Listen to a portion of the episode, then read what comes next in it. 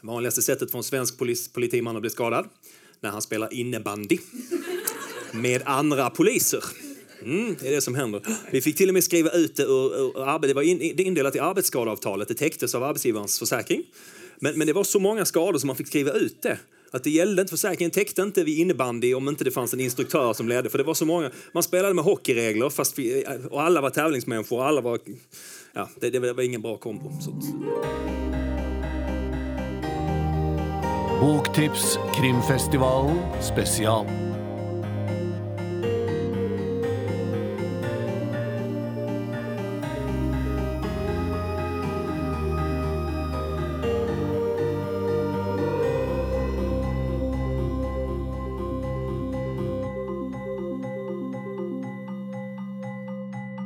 har vi kommet til eh, Det har vært eh, en litt sånn kamp mellom Norge og Sverige, har jeg følt idag. i dag. Og det er fordi vi slåss om hegemoniet om eh, hvem som er nordisk mester i krim. Nå får vi en programpost eh, der vi kan få litt angst, vi som er norske, for da er, er det noen strålende svenske krimforfattere. Eh, og det er sånn at Niklas Natt og Dag dessverre ikke kunne komme. Men vi har to av tre, og det er ikke så verst. Og da er det sånn at vi har jo, mange av oss, fulgt svensk krim i veldig mange år. Og har eh, f.eks. elsket både Henning Mankel og Stig Larsson. Og så de siste årene har det kommet nye krim, svenske krimforfattere som tar opp arven. Og disse to, som dere nå får klappe voldsomt inn når jeg sier navnene, de er jo to av de som har tatt opp den arven. Fantastisk bra. Igjen så skal vi ha Hilde Sandvik som programleder. Så når jeg nå sier navnene på disse svenske krimgudene, hvis vi nå skal bli enda større, så er det altså Stefan Anhem og Anders de Lamotte. Ta dem godt imot! Jävlar vad du var taggad. Ser ut som vi ska sitta här, Stefan. Ja, vi gjør det sånn denne gangen. Hei igjen. Er dere mette? Ja, det, nej, de är sultna. Är det, är det nya ansikten här eller är det någon som har sett mig förr? Kan, kan, vi snabbt gå okay. vilka ämnen som Stefan har pratat om? Ja, då ska jag säga nya saker. Så. Ja, men du säger nya saker jag ska säga nya saker. Helt oförutsägbart. Men alltså, detta är Anders Delamotte och igen Stefan Anhem. Så tänker jag att du har nettopp kommit här eh, idag, eh, Anders. Och igår sände du den nästa boken i trycken, Våroffer. Igår. Ja. Känns bra. Tack, tack, tack, tack. Du ska vara väldigt glad för nu att jag fann väldigt många fel i den pdf-en jag läste. Ja, jag, vet, jag, vet att det, jag ska avslöja det här, men, men, igår så upptäckte vi att det var ett fel på baksidestrycket på den norska. Ja. Och det var inget litet fel heller, det var fel plats och fel år. men vi upptäckte det igår och inte idag, vilket jag är väldigt glad över. Var det rätt så, titel? Eh, titta var rätt. Ja. en grej men, men, men, vi upptäckte det på rätt sida. Eh, men, men, det är livsfarligt, jag som är kontrollmänniska. Det, det farligaste som kan hända en kontrollmänniska, det är att man har rätt. Ja. Mm. Och du har ju tidigare erfarenhet som politi och säkerhetschef, så du vet vad det är att ha kontroll. Fråga, fråga min fru. men det som är lite eh, stiligt här nu då, nu är det sagt att detta är två svenskar, men det är två skåningar Eh, og det er jo For en nordmann så er det altså det eneste stedet en finner i Sverige med motkultur, er Skåne. Eh, og eh, da eh, Lubbe Nordstrøm, eh, på, som er legendarisk radiopersonlighet, på 30-tallet reiste rundt i Sverige på jakt etter Lort-Sverige så var det altså i Skåne de skitneste folkene bodde. og de lukta så mye gris Eh, det var så ille. Men är det... Är det, jag också. är det jag? Är det, ja. är det sån ännu? Oh, du får fråga Anders, han bor där. Jag bor i storstaden på den danska sidan. Ja. Men, eh, ah, det kanske dyngan. Jo, men alltså, ja. när man är ute på åkern, alltså, ute på Österlen där, där kan det ju... Jag vet att jag, jag funderar på om jag skulle köpa sommarhus sådär. Men så inser jag att det är bara på en åker massa flugor och, och, och koskit. Liksom, så, ah. oh, du har bott för länge i stan, Stefan. ja, jag har nog det. Nej, för det var ju nettopp akkurat denne her, eh, altså den Lort-Sverige som fantes i, i Skåne. Eh, det vil jo noen, særlig da i Stockholm, mene finnes ennå. Eh, da valget, forrige valg eh, så eh, lagde Aftonbladet en sak der de ville rett og slett bare grave bort hele Skåne. Bli kvitt skåningene. Gi det til Danmark, vi vil ikke ha de her. Og hvorfor var det? Ja, ikke? vi, vi håller med. Skåningar är likadana. Ja. Ja. Det, det fanns förr i alla fall, jag kommer ihåg på 80-talet, fanns det en, en, en lite sån här eh, säll- sällskap som hette Spettets vänner. Och de Precis. åkte ner till, till Hallandsåsen och så satte de ett spett och så drack de en massa snaps och så försökte de bända loss Skåne från, från Ja. resten av Ja, Sverige. en gång om året. En gång om ja. året, ja. Vi var lite inne på att dyka upp från andra sidan och hjälpa till. Ja. För att vi, Ja. De tänkte att det var liksom en kontinentalplatta där. De skulle Ja. bara ha lite hjälp. vi bänder loss de jäklarna. Ja. Ja. Men det er jo også fordi det politiske landskapet i Skåne er litt annerledes enn særlig Stockholmseliten. Mm. Verkligen. Ja. Det är gult. Ja. Brunt. Sen är det mycket avundsjuka också, tror jag. Resten av Sverige är avundsjuka på skåningar. Ja. Ja. Vi har ju allt. Det roliga, det roliga är faktiskt med att, att skåningarna visar att ah, men vi kan gärna till Danmark. Det verkar liksom härligt. Eh, Så Och slipper fritt. vi Systembolaget och sånt där. Eh, Men danskarna, när man pratar med dem, så säger de att de kan förstå stockholmare, men de förstår inte skånska. Nej, det svider. Nej, förstår vi. Förstår vi vad du säger. Och vi tänker, men vadå, det är en kartoffel i munnen där och en kartoffel i munnen där. What? Men de förstår inte det. Nej. Alltså, jag tycker det värsta är de säger, vi, vi, de tycker att vi pratar otydligt. Ja, precis. precis. Dansk säger att man pratar otydligt. Exakt. Det är så att jag menar, det, är- det är ganska roligt. Och, så att jag menar, det, blir- det blir vi skåningar lite ledsna för vi vill ju gärna till dem. Och så de, Ja. vad säger du? Vad sier du? Ja. Vi har ju varit motvilliga svenskar sedan 1658. Ja. Det är ju så, ja. Faktiskt. Faktiskt. Ja. Vi är fortfarande inte helt assimilerade. Men du har altså, du hadde òg denne erfaringen. Du var faktisk i Stockholm du veldig lenge. Ja. Eh, og så tok du med deg eh, familien og flytta til Bromma? Lomma? Mm, Lomma. Det var Ja, i hvert fall Lomma. eh, Ja, Lomma. Ja, er Lomma? Lomma ligger precis norr om eh, Malmö. Så precis Oh ja, ute vid kusten. I can see Denmark from my house. Verkligen Yes. Så, så, eh, Ja. så nära är det. Ja. Så inte riktigt tillbaks där jag är ifrån. Jag kommer lite inifrån landet. Från, Ja. från just den här dyngdoftande Skåne mer som... Min far var lantbrukare. Det luktade konstant gödsel hemma hos oss. Kan jag säga. Det, det, ja. Det Men- gjorde det hjemme hos meg òg, på Vestlandet. Ja, ja. Ja, mye felles. Men du har plassert ganske mye. av- Da, da du tok av som krimforfatter, så var det jo fordi du å skrive om skåninger. Ja. ja det är lite, Og det har du fortsatt med. Ja, och det är lite roligt för att när jag började skriva så skrev jag ju bara Stockholmsbaserat för att jag hade jobbat som polis i Stockholm. Jag tyckte jag hade inte varit med om någonting som var spännande eller som dög att skriva om innan 1993 när jag började polisskolan. Allt innan dess, pff. Ehm, men, men, men när jag sen väl upptäckte att jag, jag kunde ju mycket saker om just hur det är att växa upp på landet och i en liten by där alla känner alla och man har känt varandra i fyra generationer och man har varit arga på varandra i tre generationer över något som ingen längre minns men det är viktigt att man är arg och hela det här.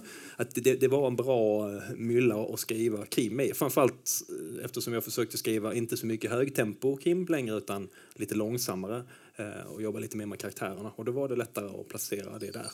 Alltså nu har vi ju krim i siden vi om arven etter Monkell och, och, och, och vad det är, så är det ju Ystad, sant? Men nå begynner du å lage deg litt eget eh, univers eh, i Skåne. Eh, hvor skal vi resa på krimtur? Ja, men någonstans i nordöstra Skåne, runt Söderåsen sådär. Eh, jag, jag brukar kalla det för eternit Skåne. Lite brungrått, sådär. Inte, inte, eh, både politiskt och, och eh, rent ytmässigt. Så inte, inte den här, Skåne är väldigt sådär, västkusten, alla, alla kusterna är väldigt vackra och fastighetspriserna är höga och folk flyttar dit. Eh, Och det typiska är att om man bor från inlandet och får ett lite bättre jobb så flyttar man ut till kusten. Så, och så blir inlandet lite, lite eftersatt. Och där är det lite tacksamt att lägga. Det finns två typer av människor där, de som flyttar och de som stannar. Det finns inga mitt emellan. Men jeg må bare spørre, eh, si, som nordmenn, noe av det vi synes er enormt fascinerende med svensker, at de har adel. Og ditt navn var i alle fall en siden tid, eh, Lamotte, var et adelsnavn, eh, navn. Svensk-finsk. Stemmer ikke det? Mm. Det, Ja. finns, det finns några olika grenar på... Ja. på det finns en svensk fin, finsk, absolut. Er det, er det er den Det är inte min, nej. nej. Nej. Alltså, det, det, det låter jättefint. De la betyder egentligen bara från. Och mått betyder en liten hög, eller en liten kulle. Så troligen var det så att det fanns två François och den ena, eh, han bodde på en kulle och den andra gjorde inte. Så, så får han heta Delamotte. Jag hade en, en förfader som, som invandrade någon gång på 1600-talet till Barsebäcks gods för att jobba åt den danska adelsmannen där. Så mycket vet jag. Eh, Och jag tänkte länge att han var någon sån här coolt lönnmördare eller sådär, men, men, men han visade sig vara trädgårdsmästare. Ja. Så, men, men det är fortfarande lite coolt ändå. Ja, men for det jeg lurte på, for den siste boken, 'Våroffer', den er jo satt i et sånt slott. Mm. Og det fins jo mange slott i Sverige, faktisk. Her har vi i ett, Ja. cirka.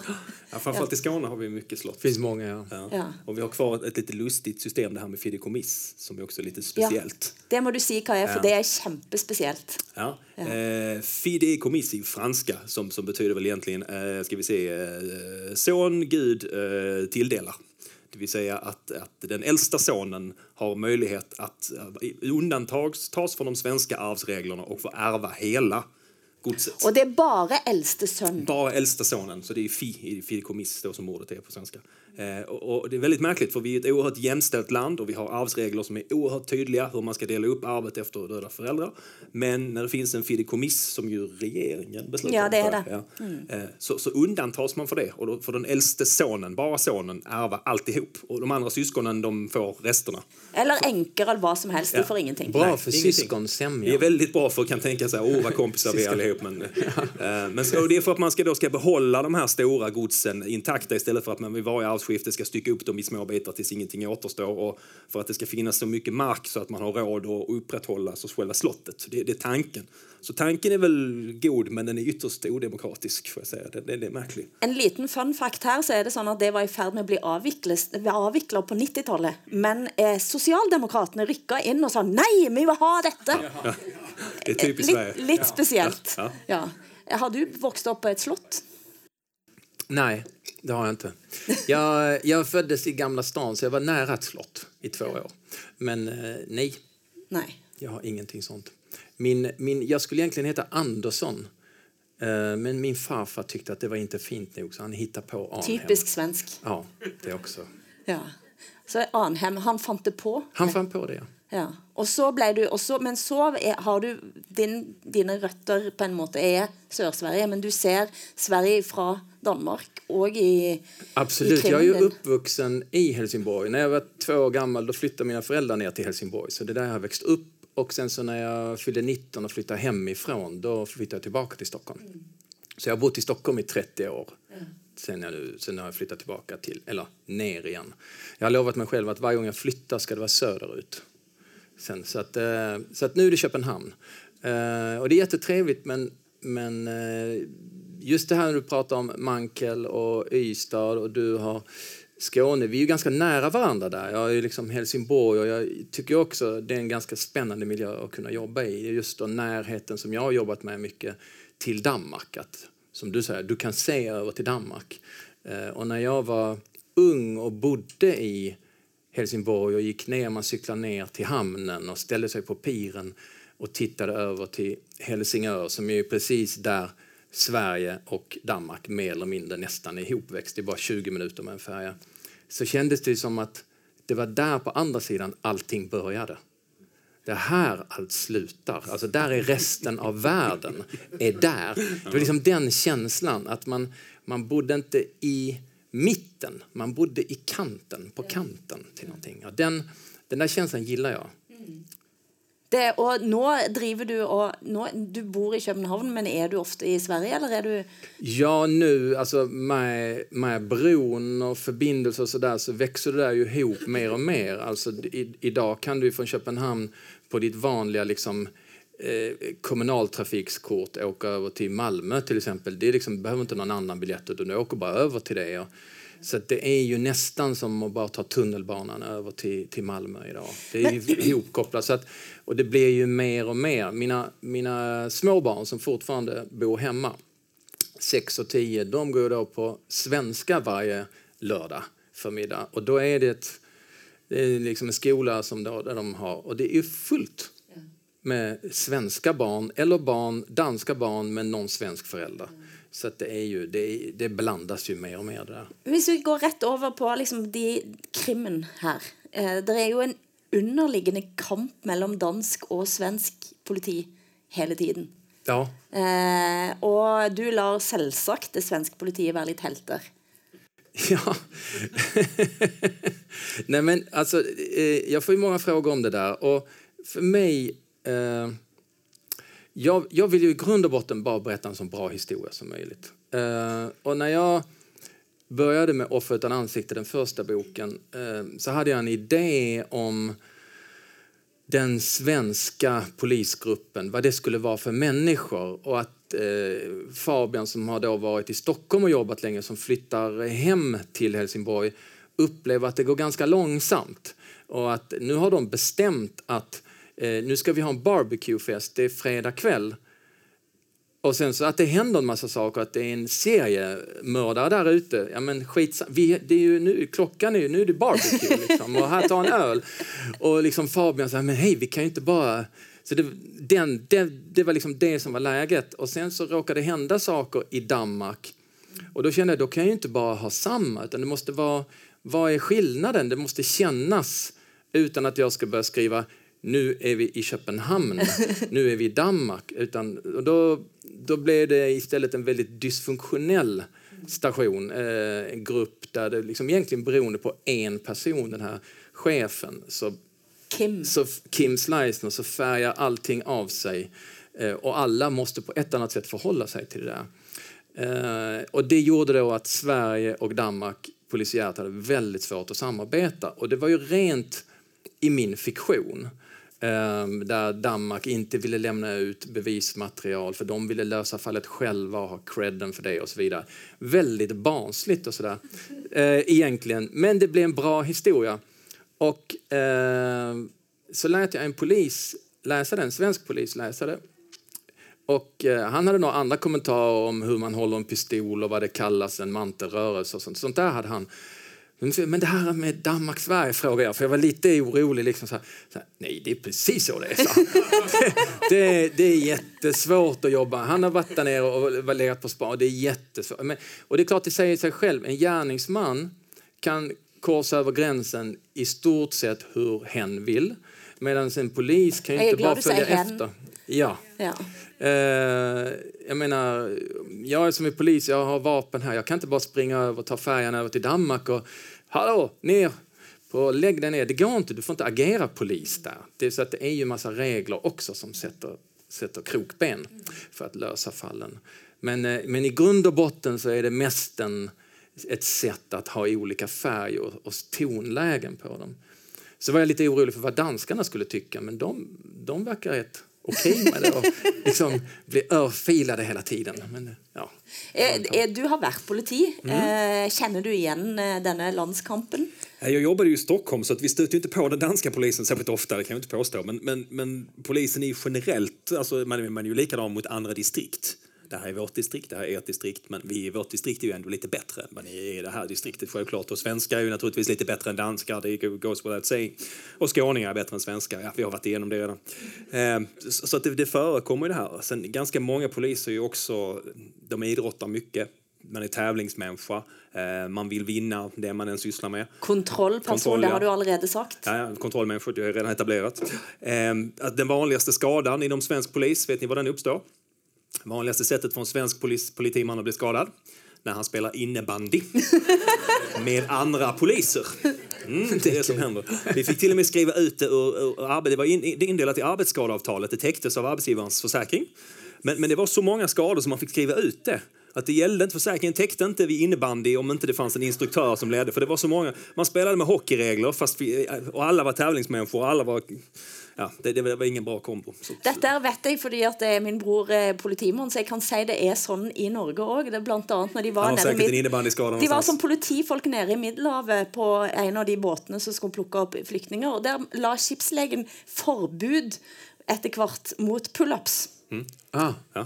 For de tävlar vem som kunde göra flest. Ja. Noen av de gjorde sånn 1000 i så får de tennisarmbågar. ja. Men vårofferet For en skulle tro da at du som eks-politimann ville skrive politikrim. Mm. I tråd med mye annen svensk krim som, og den arven som dere kom ut fra. Men i våroffer så er det nesten knapt Jo, det är politi, men de är inte väldigt mycket till stede. Nej, och det är väl inte så hemskt mycket politikkrim i någon av årstidsböckerna, tänker jag. Ehm, det kanske också för att, för att jag har arbetat med det själv och att jag letar efter någonting som intresserar mig att skriva om. Och, och kanske att jag har arbetat som politiman i åtta år, att inte jag tycker att det är för mig så, så väldigt spännande. Utan jag föredrar att skriva om, om poliserna som, mer som människor. Hur är det att vara, vara polit, politiman i en liten ort där du, där du alla vet att det är du som är polisen och du bor, dina grannar har, har synpunkter på hur du sköter utredningen och, och dina barn får höra i skolan att din, din far han kan minsann inte lösa det här mordet. Eh, Med den, vad, vad det sätter för press på när, när man blir stående någonstans och så gör man en rattonykterhetskontroll och så stoppar man någon och så ska man ta körkortet och så, och så spelar man innebandy ihop eller, eller barnen går i skola ihop eller man vet Eller att har smugglat sprit. eller smuggla sprit, ja. Det, och, så, och så vet man att eh, ja, om, jag, om jag drar in det här körkortet så kommer det få konsekvenser för familjen. Han kan inte försörja sig. Alltså, eh, ibland pratar man i, i polisen så säger man någonting som kallas för praktiskt polisarbete.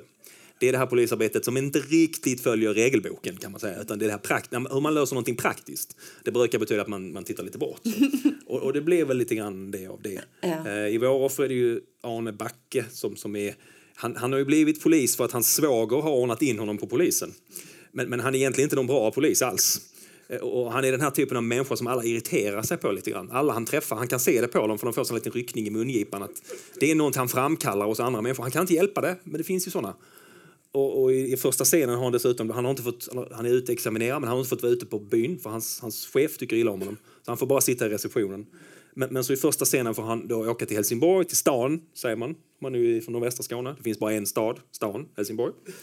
Och så får han hämta ut en splitterny polisbil, en Saab 900 Turbo som är den hetaste bil du kan ha 1986. Och det går ju Arne då lite åt huvudet så han, han bestämmer sig för att köra runt med den och åka hem till sin hemby och visa upp sig lite i sin, sin uniform. Och, och där spårar det ju ur ganska fort för honom. Det blir inte alls som han har tänkt sig kan man säga.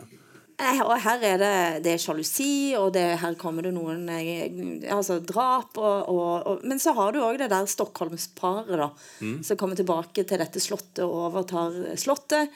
Eh, og har med seg en del altså, En kan lese mellom linjene en liten sånn Stockholmsforakt her òg.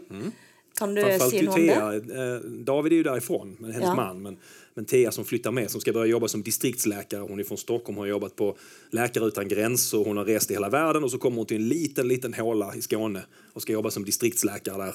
Och det, hon ska liksom ge, ge sprutor och dra ut spinkor och fingrarna, det är ungefär det hon ska göra. Eh, hon är väl inte helt nöjd med, med att hamna där. Men, men så, så hittar hon ju ett föremål i, när hon är ute i skogen. Då, ett, ett, ett gammalt polaroidfoto som, som går tillbaka till 1986 och hela den här historien som, som hon får någonting att koncentrera sin energi på. Då, lite grann. Um, och så jag, jag använder ju i, i de här böckerna är ju ganska tydligt, det finns nästan alltid ett hemvändartema. Antingen är det någon som direkt vänder hem, som i sensommar eller i eh, höstdåd. Eh, nej, förlåt. Eh, I vintereld som, som vänder tillbaks till, till, till sin hemort. Eller så är det någon utifrån som, som kommer tillbaks. Så jag, jag försöker variera dem. Men det finns alltid någon utomstående i böckerna. För att man måste ha någon som reagerar på de här konstiga skåningarna lite grann. De pratar lite konstigt och uppför sig lite konstigt och de är lite långsamma och de äter hela tiden. Och, alltså, så, som kan Och förhålla luktar sig... gris. Luktar, ja, det har inte så mycket, lite, lite gödsellukt är det. Så. Om man är från landet så kan man skilja på vilken gödsel det är också, om det är gris eller ko. Ja, ja, det kan det, det, Ja, enig i det. Ja, det är, det, det är som, det, man kan inte bara säga gödsel, det luktar gödsel. Det är liksom, det måste, man måste precisera. Det luktar grisaskit som det heter i Skåne. Så, det är man, Ehm, så jag, jag försöker ha någon som, som kan, kan guida in läsaren som inte är från Skåne i vad det innebär att vara Skåne... Vi har speciella ord som man absolut inte får... Man, man, I Skåne säger vi inte laggård, där man har korna. Laggård, det säger man i hela Sverige. Men vi säger, vi säger, eh, vi säger kostall. Vi har tagit det danska ordet kustall, och så har vi kostall. Den, den gränsen går stenhårt vid Småland. Det finns ingen norr om, Småland, norr, norr om den skånsk-småländska gränsen som säger kostall och ingen söder om det som säger laggård. Men, men och det är verkligen så här, jag hade en diskussion med min, min redaktör ringde mig och sa du har skrivit kostall här sedan 68. Men, menar du laggård? Nej, det gör jag inte. Jag fick googla och så hittade jag till sist på Skansen, som är så friluftsmuseum i Stockholm. Där finns Skånegården, fyra byggnader skånska. Och där fanns det ett hus, det heter Kostallet. För, och så står det under på skylten, det heter inte laggård i Skåne. Så, yes, I win. Så, så jag försöker ha någon som är lite ciceron in till den här lite speciella eh, världen som det ändå blir. Men altså, denne her, eh, bare et lite spørsmål om det der med altså, Vårofferet det er jo, en, det er jo et rituale, dette, som går galt, kan, kan man si. Du har jo vært der før. Og så alle de der, Det som jeg tenker på sånn, sånn svensk, veldig hyggelig Lucia-feiring, midtsommernatt Der ødelegger du alt og lager det til noe ekkelt. Ja. Ja. ja, men visst är det fantastiskt. Vi har alla de här midsommar som är någon sån här gammal midsommarrit, vikingarna som kristendomen försökte lägga Johannes döparen ovanpå. Det bara så vi bort. Och så sätter vi upp en midsommarstång. Ni vet vad den representerar? Ringarna är Du kvinnans äggledare och, och, stången, det kan ni föreställa er själva. Men det är vad den representerar. Valborg, det är en eld för att man ska då skrämma bort allt, allt ont från vintern och, och släppa in, in våren som jag använder nu, använder nu. Lucia. Av någon anledning har vi importerat ett katolskt helgon vars lyckliga historia handlar om att man stack ut ögonen på henne och så fick hon gå med dem på en bricka framför sig innan man brände henne på bål. Och det har vi då översatt i Sverige till att hon går och serverar lussekatter istället. Och så har vi ljus i håret. Så här. Men någonstans där. Vi, vi, vi är rätt förtjusta i de här makabra ritualerna. Ja. Så jag tänker bara att jag, jag bara drar ett litet steg till. Det behövs inte så mycket mer egentligen. För att, eh, det, ja. Men du trenger jo på ingen måte Stefan, eh, finne opp noen ritualer. Du lager ritualer, du. Ja. ja, jag tycker det är för få. Det behövs fler. Eh, ja, som nej, men, eh, absolut. Jag tycker, det och det hör jag lite på dig också, att eh, det är mycket krim är ju att det ska utspela sig på den mörka, det mörka halvåret, när det ska liksom höst och vinter, när det, när det är mörkt, som liksom Ja. automatiskt, det blir liksom läskigare och mer spännande när det är mörkt. Eh, Men mycket av det här, jag tycker de flesta av mina böcker utspelar sig på högsommaren. När det är ljust, när det växer och det är svettigt och klibbigt och, och solstrålarna inte känns så trevliga längre utan de är nästan klaustrofobiska. Eh, och om jag kan då lyckas få att det är spännande i det när det är alldeles ljust ute, då är jag glad. Och där kanske jag då fått uppfinna vissa nya ritualer Ja. i det för att Ja. få till det. Og de nye ritualene den siste, Vi har snakka litt om før i dag, men for nye publikummere og, og, og som sitter her, så er det jo de to siste bøkene er jo et makabert ritual. Det er nesten et ritual. Eh, en mann som rister terninger, og så ut fra det Ja, velger både drap og offer og måte. Ja, han är väldigt rituell när han gör det. Liksom att allting, allting måste ske på ett visst sätt. Eh, Och, och det där... Jag funderade mycket på det där. Vad är... Alltså för man kan ju se den gärningsmannen eh, att han är bara slav under någonting annat. Att han inte kan ta egna beslut utan att eh, slumpen måste bestämma åt honom. Samtidigt som han själv ser det så har han är den som har kontrollen. Han är gud över slumpen därför att han har kokat ner slumpen till sex alternativ. För vanliga människor så är slumpen styr oss jättemycket, bara att vi inte vi vet inte om det. Han menar han har tagit kontroll över den. Han kontrollerar slumpen, eh, även om det är slumpen som bestämmer. Så det där är, eh, är, det, är det hunden som leder matte eller tvärtom? Det, det kan man ju diskutera, men för honom är det då väldigt mycket ritualer kring det här. Och han, han tänker mycket på det, han försöker bli fri från det. Och jag, det som jag tyckte var intressant med honom var just det här att jag inte min tanke var att det inte skulle vara något motiv utan att han bara, han är så här, han har kul. Då kan man säga, ja men att ha kul är ju ett motiv. Eh, och sen så när jag gick igång och skrev det här så inser jag ju faktiskt vad hans motiv är under tiden jag jobbar med Motiv X, den, den förra boken då. Så då finner jag, men det är ju det, han vill tillbaka till det där. Men grejen är att han vet inte det själv. Han är inte medveten om det. Utan jag tror att det är något som jag förstår och läsarna efterhand förstår och sen eh, våra poliser. Men han vet inte om det själv. Men jeg må si at eh, alle de drapene som han eh, da begår etter hvert, er jo grotesk på veldig ulik måte. Eh, har du kost deg med å finne fram Ja. de verste? Ja, men alltså, om man, jag menar, det, är det är så här att om, det här, de, de drapen som jag kunde göra i den här boken kommer jag aldrig kunna göra annars. Därför att det är den här historien. När det blir så här, han kastar en tärning som säger du ska hitta ett offer mitt ute på Öresund strax norr om Ven. Han slår tärningen igen. Du ska ha ett svärd. Jag menar, vem av oss krimförfattare får skriva det? det, och, det och det är klart att det är kul. Jag hade jättekul. Alltså, det var jätteintressant för mig. Och, ja, men hej, hur gör jag det här? Hur får jag det tillräckligt trovärdigt? Hur, tolk, hur tacklar han det? Och hur, hur blir det här spännande? Och så vidare. Så att, det är ju, jag menar för i, i mina andra böcker, där har det varit andra motiv. Eh, där, där vissa, till exempel i 18 grader minus, de vill ju gärna gärningsmännen där att deras dråp inte syns. Alltså det är så, de vill gärna göra det så ospektakulärt som möjligt. Eh, så att därför så, jag, mina, mina mord färgas ju väldigt mycket av vad är det för gärningsman jag har. Eh, och sen så försöker jag gärna göra något som man inte har läst hela tiden. För att jag menar, de flesta, som Stina Jackson var inne på här, de flesta mord, flesta det sker i hemmet. Det är nära och kära. Eh, han drack för mycket, han slog sin fru lite för hårt så hon ramlade och dog. Han försöker rulla in henne i mattan och dumpa henne i floden, men den flöt 15 meter och två timmar senare är fallet avklarat. Han har kanske till och med gått och erkänt själv. Det är det vanliga. Det är ingen riktig bok där, tycker jag. Det är liksom, eh, eller det kan säkert bli en bok, men, men, men, men jag, jag berättar ju andra historier. Mina gärningsmän är ju ofta väldigt medvetna om om jag gör så här så kommer eh, polisen Anders, han kommer ju se det. Så om han inte ska haffa mig innan jag gör det här, det här, det här, då behöver jag ha gjort det och det. Men det är väldigt ovanligt i verkligheten att en gärningsman har betett sig på det sättet. Men jag tror man skulle kunna göra det. Ja, eh, det, det, fin det finns historiska belägg för absolut, seriemording òg. Men i ditt tilfelle her, Anders, så er det jo til og med Hvis man begynner boken, så er jo det er mulig det er noen som er død, det er avklart, noen har til og med vært i fengsel. Eh, og allikevel så er det en ganske intens spenning i mellom linjene. Ga du deg selv et litt sånn vanskelig oppdrag innledningsvis der? Ja, ja men så är det.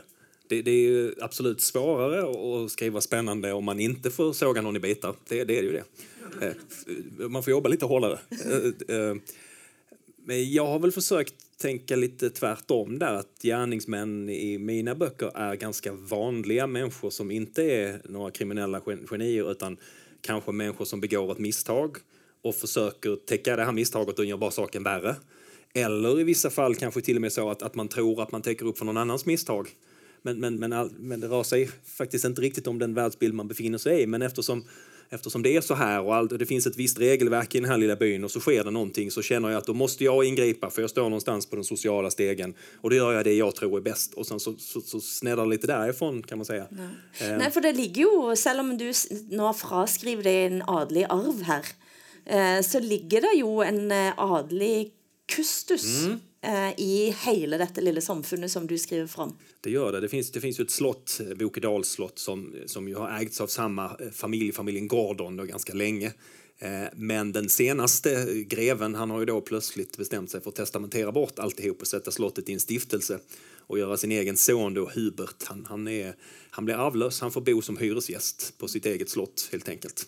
Eh, och sen så skänker han hela den här stiftelsen för, för byn själv ta hand om så att pengarna som kommer in de går till byns bästa, till, till skola och till buss och lite sådant istället då medan Hubert han är bara en stackars inneboende då. Och, det är någon slags lite grundläggande premiss för hela berättelsen. Var, varför, varför blev det så egentligen? Mm. Ja. Och det, är det, det där kul, för bara säga så här, det är kul det där, just det där du har vanliga gärningsmän som är normala människor. Det tycker jag, det, det, det är där vår olikhet är, mm. som är intressant. För att jag, jag tänker att mina karaktärer, jag tänker alla som helt normala människor, alltså min polis, min, all, alltså alla karaktärer utom just gärningsmannen. Honom tänker jag som lite larger than life. Eh, att jag förstår, jag förstår honom, jag förstår vad han håller på men han är, nej, han är mer the perfect storm of serial killer som möter den vanliga polisen som ska försöka. Alltså det, så det är där skillnaden. Men til, altså selv de gode, altså en politimann her hos deg er jo en uh, skurk av dimensjoner. Ikke Fabian En av dem, ja. Men uh, mm. Fins, uh, fins det sånne politifolk? Men det är klart Nej. att... Det, nej, precis. Det är det så roligt när man, när man eh, pratar med poliser och, och de ska kommentera så här. Nej, vi åker aldrig själva ut och vi gör aldrig det. Och då pratar man alltid så att för att vi gör allting rätt. Eh, det är som om du pratar med en rörmokare. Nej, men det läcker aldrig när jag har fixat det. Grejen är att alla gör fel. Vi människor, det ingår liksom i, i vårt bagage att vi gör alltid fel. Även poliser gör fel. De borde gjort på det där Men sättet. en ting är att fel, men så. att, bli morder, bli Ja, men det, det, som jag, det som jag tycker är intressant att det blir ju, det är ju den där, var är du på gränsen? Att om du har nästan som din vardag att jobba med de här sakerna, eh, då är det inte då är det inte så långt att gå över. Alltså, du har ju både haft patologer och obducenter som har i Sverige gjort saker som man inte ska göra. Som just har gått över den där gränsen men de har ju nästan rent konkret gjort samma sak som de gör i sitt jobb. Så att det är bara någon centimeter de har förflyttat sig men egentligen en, ett ljusår i mindsetet. Så att det, det där... Det där äh, det- Jag hatar att erkänna, men en av våra värsta seriemördare är, är ju faktiskt polis. Tore Hedin, för er som kan historien då, som Ja, Hurva-mordet. Som, ja, som var Ja. politi. Han var, han, Ja. var, han var landsfiskal eller så här, ganska långt ner på, på skalan. Men, men, det, men det var han. Han, han, eh, han, mördade, han deltog själv i utredning också av ett av eh, sina mord. Och sen så småningom så mördade han både sin flickvän och hennes chef. Och så satte han eld på ett äldreboende också när han ändå höll, höll igång. Han tyckte inte det räckte med det. Ja, men så och sen dränkte han sig precis. själv också så han liksom toppade av. På. Så har vi Kapten Klänning som också är Ja. ett sånt där exempel. Min där, gamla där rektor. Precis. Eh, där, där man, där, det liksom, där, han var ju väldigt känd för liksom, att vara på de svaga, på tjejernas sida. Och det, det, det, det, det var därför han kallades Kapten Klänning. Och sen var han en, en förövare, en, en, en pedofil som var på... Pelle Polis Ja, är en. Så att- annan så eh, att det- historia. Eh, så att visst, det där eh, finns, tror jag, just om man är nära det där hela tiden och att det blir vardagen så känns inte steget så långt. Det är ju en eh, dokumentarfilm om Pelle Polis som var alltså pedofil och politi. Ja. Eh, som ble lura i en felle på slutten i denne filmen, som kom for noen år siden. Eh, men det jo òg disse altså, det är många som skriver krim, som har jobbat som politifolk. Eh, men så är det òg mange politi som, altså, som har kanskje søsken som er kriminelle. Det har det vært flere saker om. Er det, når en går inn i det yrket, har en en litt sånn mm, litt sånn shady side som du kan ta ut gjennom skrift? Eh, hmm. Inte alls en ledande fråga det där. eh, nej, men det, det finns ju vissa likheter finns det mellan, mellan poliser och kriminella eller ex-kriminella. Vi, kan nästan alltid känna igen varandra. Alltså, i, I ett rum sådär. Two of a kind. Ja, alltså direkt man kommer in och man tittar på varandra och sådär, ja, och så nickar man lite sådär. Ja. Vi har bara konstaterat att jag ser dig och du ser mig. Och sen, sen Men det är ju lite som ni det- spelar båda fotboll, den ena har gula tröjor, den Ja, andra röda tröjor. Ja, Egentligen. Ja. Sen kan man lite. tänka vad är rätt och vad är fel, men det är ungefär det spelet. Det, det kan man säga. Alltså det, det, finns väl, det finns vissa likheter. Finns det ju. Sen, sen har de allra flesta valt att bli poliser ju för att de på något sätt har någon slags rättpatos, rättspatos och, en- och en känsla för att man vill göra, göra rätt. Och, eh, det, det, det är ju ändå trots allt ganska ovanligt att, att det är någon, någon som är polis verkligen blir kriminell. Men sen som Stefan säger, det sker, däremot gör man ju misstag. För att man tror att man har en bild ser ut på ett visst sätt och så ingriper man på det sättet och så, och så inser man lite, lite kanske sent att oj, nej, det var inte alls så här, men jag hade lite bråttom in. Framförallt när man är ung och ny hä- händer det att, att man gör en del saker för att man är så sugen på att man ska jobba och så, och så står man och samlar ihop tomhylsorna och lämnar över till teknikern. Och så, Kolla, jag hittade de här! Och så säger teknikern, du är helt dum i huvudet. Du borde få sparken. Man, man, man gör sådana saker i, i början. Det där med erfarenhet är inte helt fel heller. Eh, och, och det är ganska typiskt. Vi hade den här skjutningen som var i Stockholm där, där man ju sköt en, en, en ihjäl tragiskt en, en, en ung handikappad man. Alla de poliserna var helt nya. Kom precis rakt ut i... Det, det var ett av deras första ingripande. De hade redan fått reda på... Tittar man på parametrarna så fanns det inte konstigt att det gick fel. De hade fått information att det var någon som var farlig där, som fanns på adressen. Eh, Det fanns vittnesuppgifter om en man med vapen. Och sen så kommer de in och det första de möts av är precis det de tror ska hända. Det, är inte alls konstigt att det blir fel under de premisserna. För ofta handlar det också om att man ska fatta beslut med kanske en, halv kort. sekunds betänketid. Ja, ja en fel. Och, och det finns inget lättare än att sitta i efterhand sen och sitta här med, med, med 85 i puls och säga det där. Det skulle aldrig gjort. men när man står där med 200 i puls och händerna skakar för att man är så full av adrenalin, då är det... Og det man kan bare si at Hos deg så er det politi skyter politi òg, uten at jeg skal eh, røpe hvorfor og hvordan dette skjer. Men det skjer. Eh, hvis en skal, altså To minutter igjen. Eh, vi, vi har ikke snakket så mye om arven, men arven lever jo liksom gjennom det dere gjør. Hvem er det du av de svenske krimforfatterne har hatt som den største inspirasjonskilden? Ja, men jeg tror at Eh, Mankel var den första jag riktigt fastnade för. Eh, där han lyckades, jag är väldigt inspirerad av hans sätt att skriva. Där det kändes som att man hela tiden står framåtlutad och man måste röra sig framåt för att inte tappa balansen. Och det var den känslan jag ville ha också. Sen, sen så är ju Stig Larsson för mig också väldigt stor inspirationskälla för att fram till honom så har det varit väldigt, väldigt fokus på exakt hur ser verkligheten ut, exakt vad möjligt. Och han kände så här, men nu har jag kul.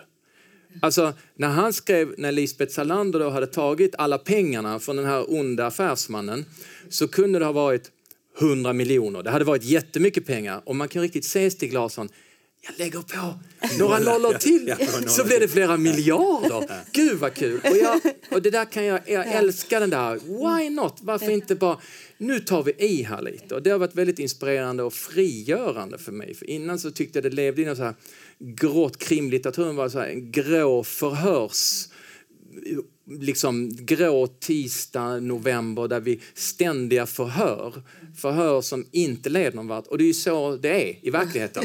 Och sen leder någonting. Men det är inte alltid det mest spännande och intressanta. Så att jag tycker de två lyckades bra med det. Mm. Jag skulle vilja säga för mig är det Håkan Nesser.